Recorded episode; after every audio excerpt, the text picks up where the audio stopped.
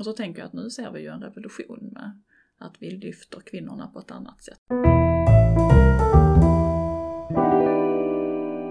Välkommen till Tolkning pågår och detta avsnitt som avser eh, fjärde söndagen i advent, Herrens moder. Jag heter Jessica G Nordqvist, är studentpräst på campus Helsingborg Lunds universitet och eh, kommunister i Gustav Adolfs församling. Idag sitter jag här med Sofia Pedersen Vedeka. Jag är just nu församlingsherde i Gustav Adolfs församling, samma som Jessica alltså. Eh, och jag är självutnämnd psalmnörd. Jag tror att det är därför jag sitter här idag. Kanske Mm. självutnämnd. Ja. Det är inte någonting som du har fått kastat i ansiktet eller kanske i nacken på dig. Nej, men man får väl ändå säga att nördar har gjort någon sorts återkomst den senaste tiden. Så att numera är det väl inte lik, det är inte ett skällsord längre väl, att vara nörd, utan Nej, vi nej. tycker att det är lite roligt med nördar, Det eller är, hur? det är ju lite coolt Ja. att vara nörd. Mm. Så att, eh, ja, vad bra Ja. för oss. Då vill jag be dig att läsa evangelietexten. Ja, och nu är vi ju på tredje årgången, så evangeliet alltså från Lukas evangeliets första kapitel, vers 39 till 45. Några dagar efter ängelns besök gav sig Maria iväg och skyndade till en stad i Juda bergsbygd. Hon gick till Sakarias hus och sökte upp Elisabet. När Elisabet hörde Marias hälsning sparkade barnet till i henne och hon fylldes av helig ande. Hon ropade med hög röst. Välsignad är du mer än andra kvinnor och välsignat det barn du bär inom dig. Hur kan det hända mig att min herres mor kommer till mig? När mina öron hörde din hälsning sparkade barnet till i mig av fröjd. Salig hon som tro- trodde, ty det som Herren har låtit säga henne skall gå i uppfyllelse. Tack. Ja. Mm. Vad i den här texten får dig att liksom, det greppar tag i dig? Eh, ja men det är ju flera saker. Ehm, alltså dels finns det väl någon sån, eh, som kvinna någon sorts igenkänning i det här. Vad är det som får barn att sparka till i magen? Vad reagerar de på? Eh, och att man liksom lär känna dem redan i magen för man fattar att de uppskattar vissa saker. Mm jag har själv, efter ett av mina barn var jätterörlig i magen och han är liksom rörlig hela han. Jag kan tänka att liksom, ja men Elisabeth är på väg att lära känna Johannes här. Mm.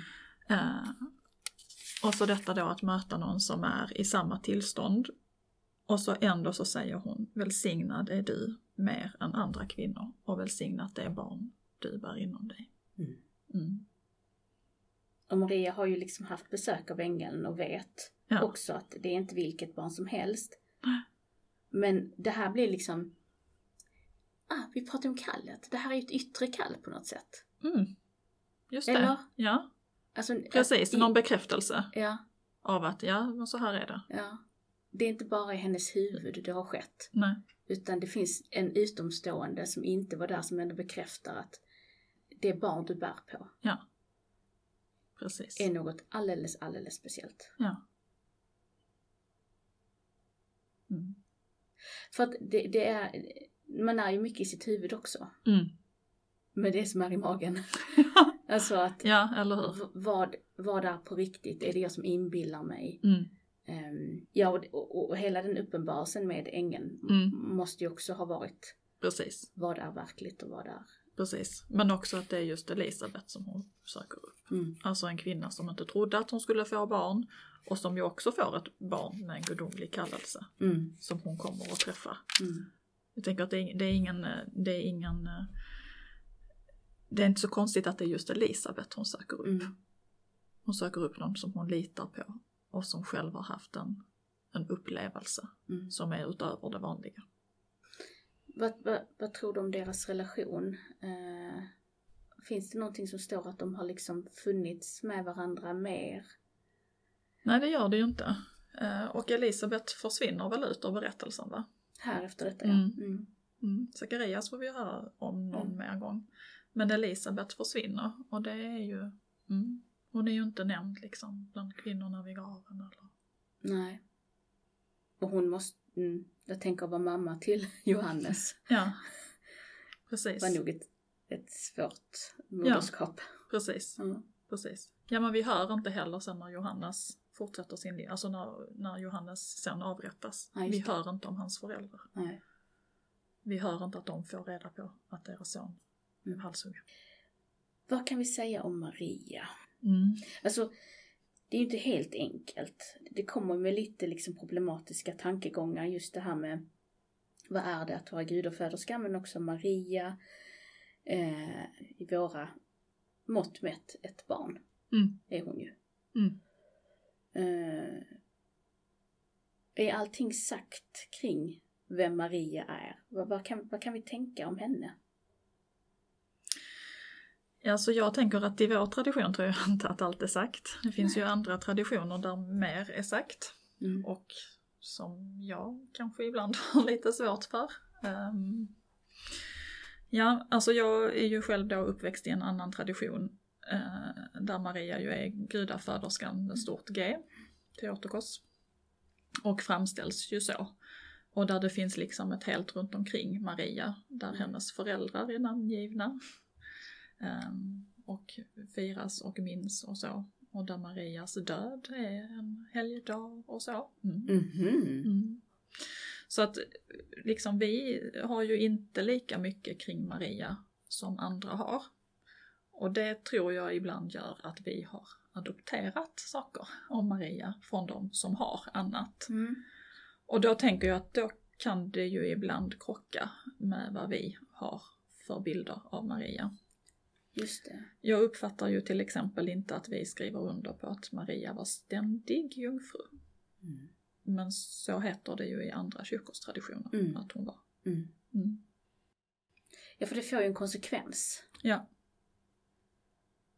Ja, det, det gör det. betyder någonting. Och konsekvenser blir ju också kring moderskapet eller kvinnan Mm. obefläckad. Eh, Mm. Att kvinnan blir dålig. Ja, det är i alla fall en förebild som är svår att leva upp till. Ja, Om förebilden är ständig jungfru, ja. Som dessutom föder Gud. Mm. Alltså det, det, det är ju lika ouppnåeligt för någon av oss som att vara Gud själv. Mm. Alltså, för vi kan inte uppnå det. Mm. Då är det ju bara, det är ju bara hon som kan uppnå det, någonsin. Mm.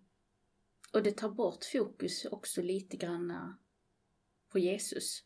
Ja. För att då ingår hon i gudomen på något sätt. Ja. Det blir som en fyrenighet istället för en treenighet. Ja, nästan. Hon blir också gud. Ja, För- eller hon blir något mer än människa i alla fall. Mm. Mm. Och därmed ouppnåelig Mm. för oss andra. Mm. Mm. Då, är det, då är fokus på mer än andra kvinnor Mm. i den här texten. Det tänker jag då när man ska välja psalmer då till Mm. den här söndagen. Ja. Om vi ska prata lite om det. Ja. Då finns det ju några Maria-psalmer eh, och de är ju egentligen inte skrivna till fjärde söndagen i advent. Nej. För de är ju skrivna till eh, kyndelsmässodagen till exempel. Och då kan det ju bli lite problematiskt att välja de psalmerna. Eh, jag såg i någon psalmvalslista nu att man föreslår att man ska sjunga 479, Jungfru Maria. Och den är ju till kyndelsmässodagen när Jesus bär fram i templet. Mm. Och då sjunger man ju då vandrade varligt med barnet i famnen till kyrkans kor. Det gör hon ju inte den här dagen. Alltså så det, Mm, det mm. tycker jag är lite svårt Mm. att sjunga.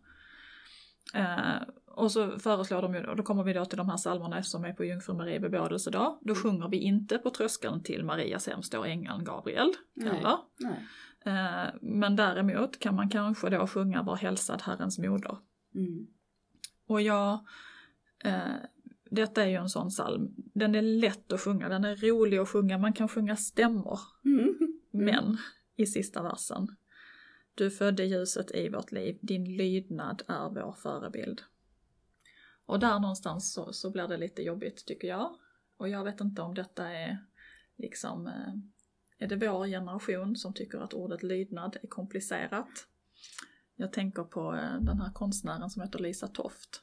Hon, har, hon ritar hundar och djur ofta. Mm. Eh, och då har hon eh, en bild där det står lydnadskurs kan du vara själv. och jag, så, sån är jag lite. Nej men lydnad är inte min grej. Nej. inte en sån som bara följer order. Mm. Eh, Och det tänker jag att det är ju inte Maria heller. Um, jag tänker inte att Maria inte hade ett val. Jag tänker att Maria hade ett val. Ängeln kommer och säger du skall föda. Mm. Om hon hade sagt nej det vill jag inte. Då tror inte jag att Gud, Gud är någon som tvingar sig på. Nej, för i det, i det, om vi nu ska översätta med vanliga ord. Mm. Om Gud tvingar sig på, Ja.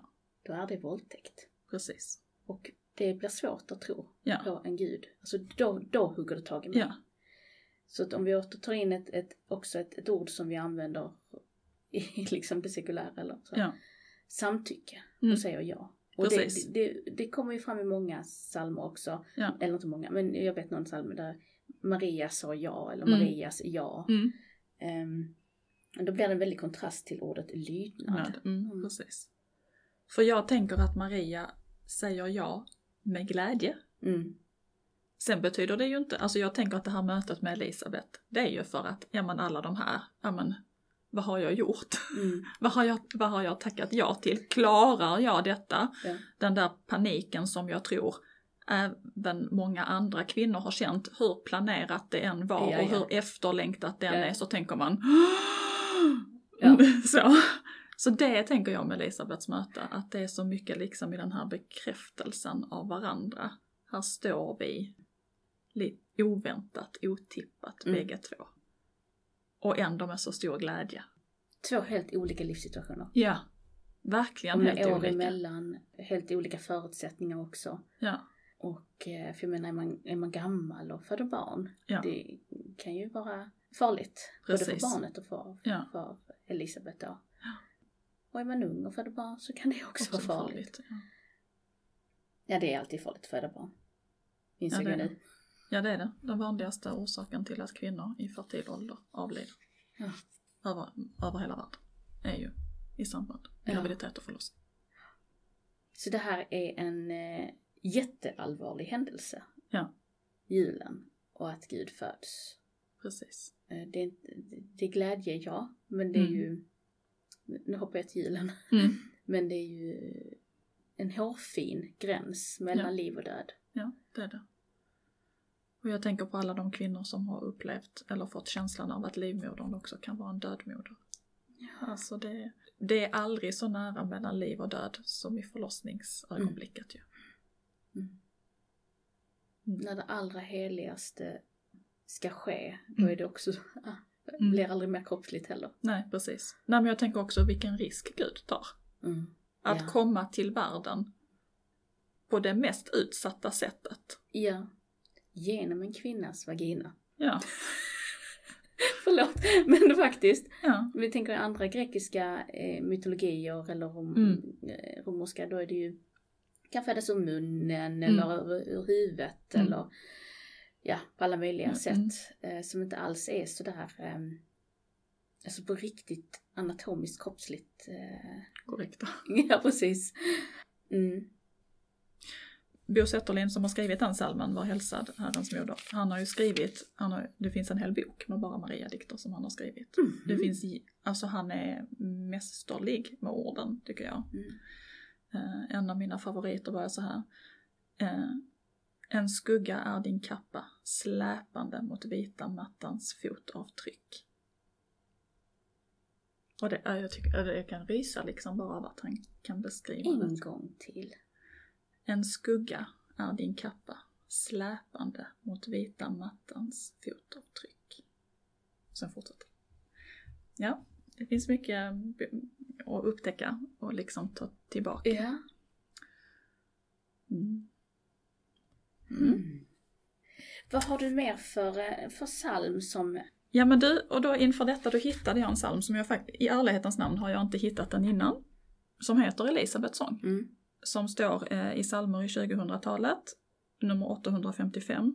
Och den är skriven av Kristina Lövestam med musik av Nils Lindberg. Och då är det som att Elisabet och Maria möts igen efter att sönerna har dött. Men innan uppståndelsen. Alltså Mm. som om Elisabet kanske ändå var en av dem som fanns där i folkmängden eh, vid Golgata.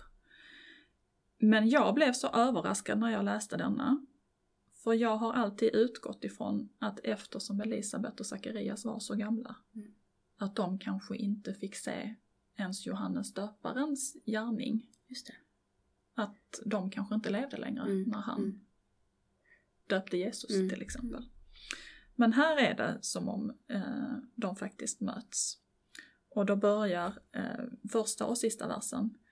Minns du Maria, den dagen bland bergen, himlen skimrade vänligt emot oss.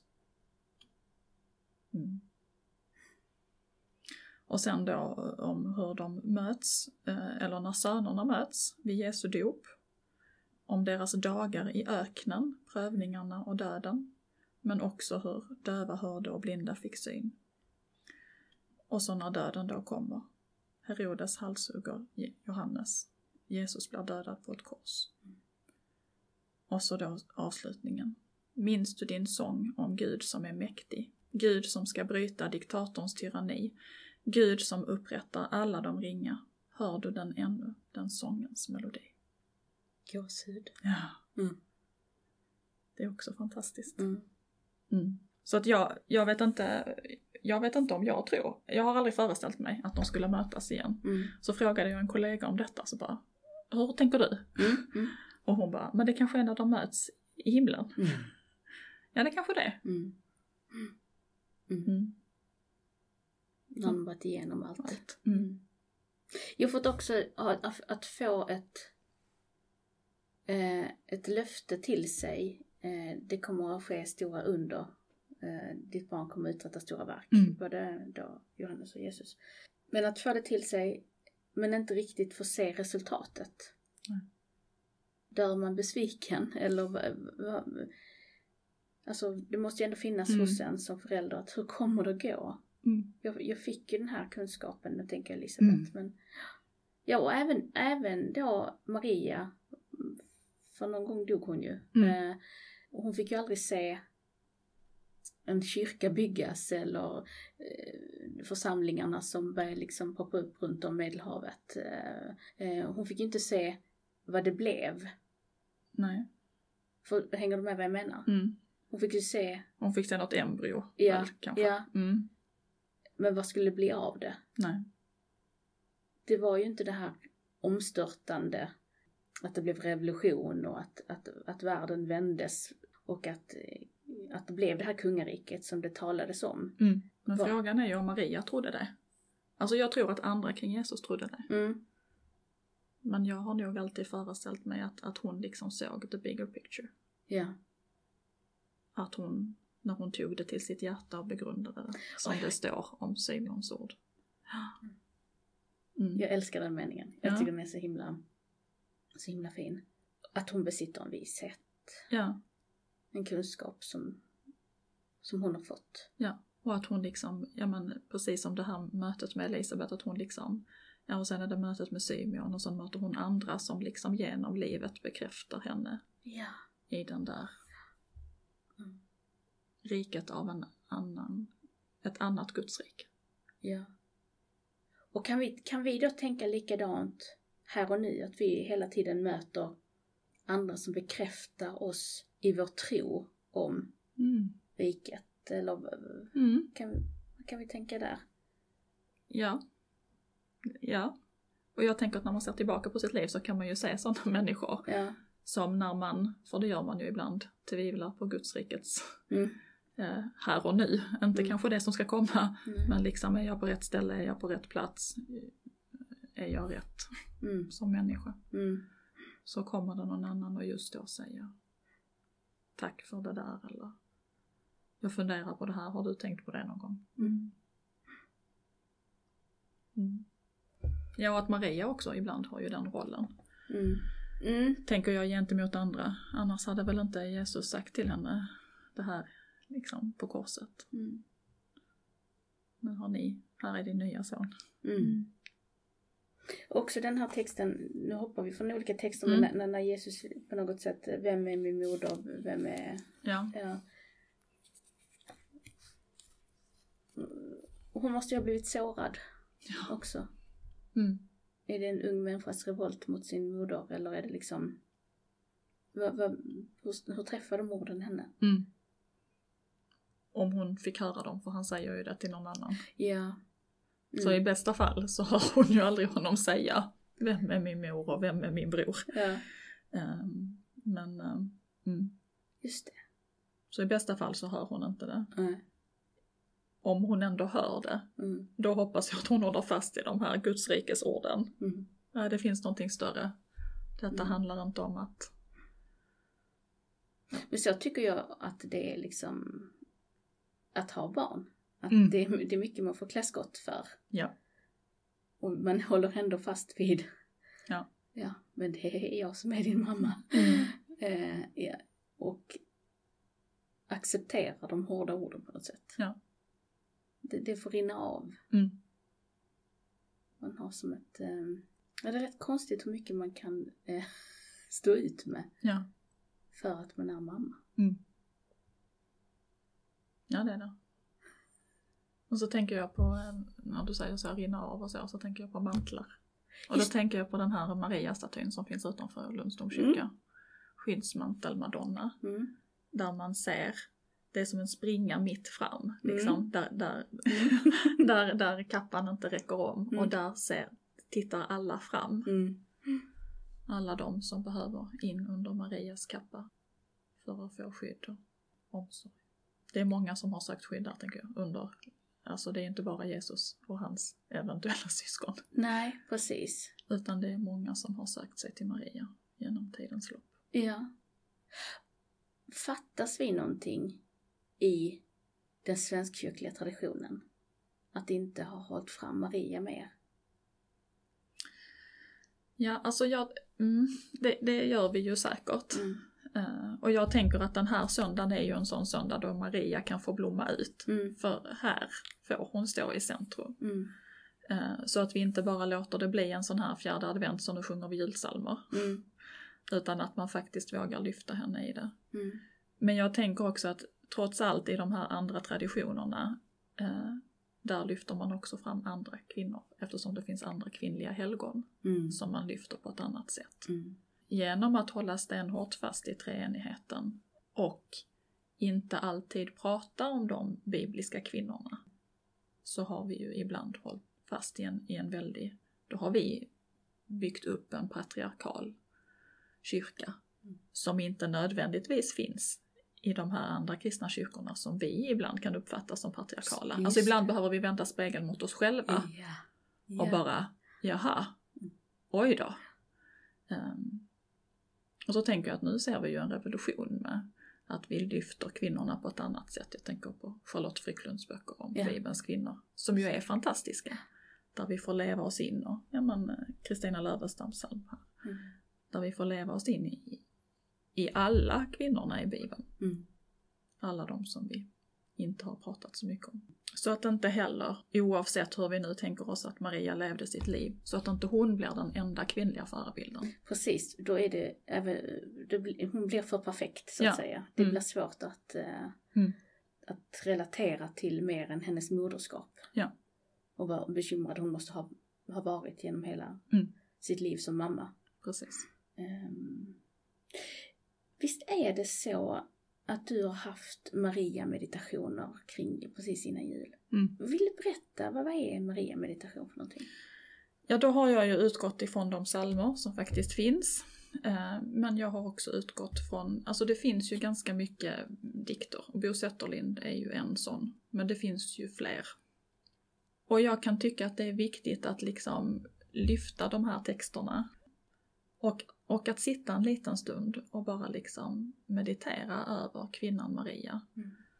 Som ung, Mm. och när hon väntar Jesus då, om vi tänker oss i den stunden, liksom dagarna före jul, hon är på resa.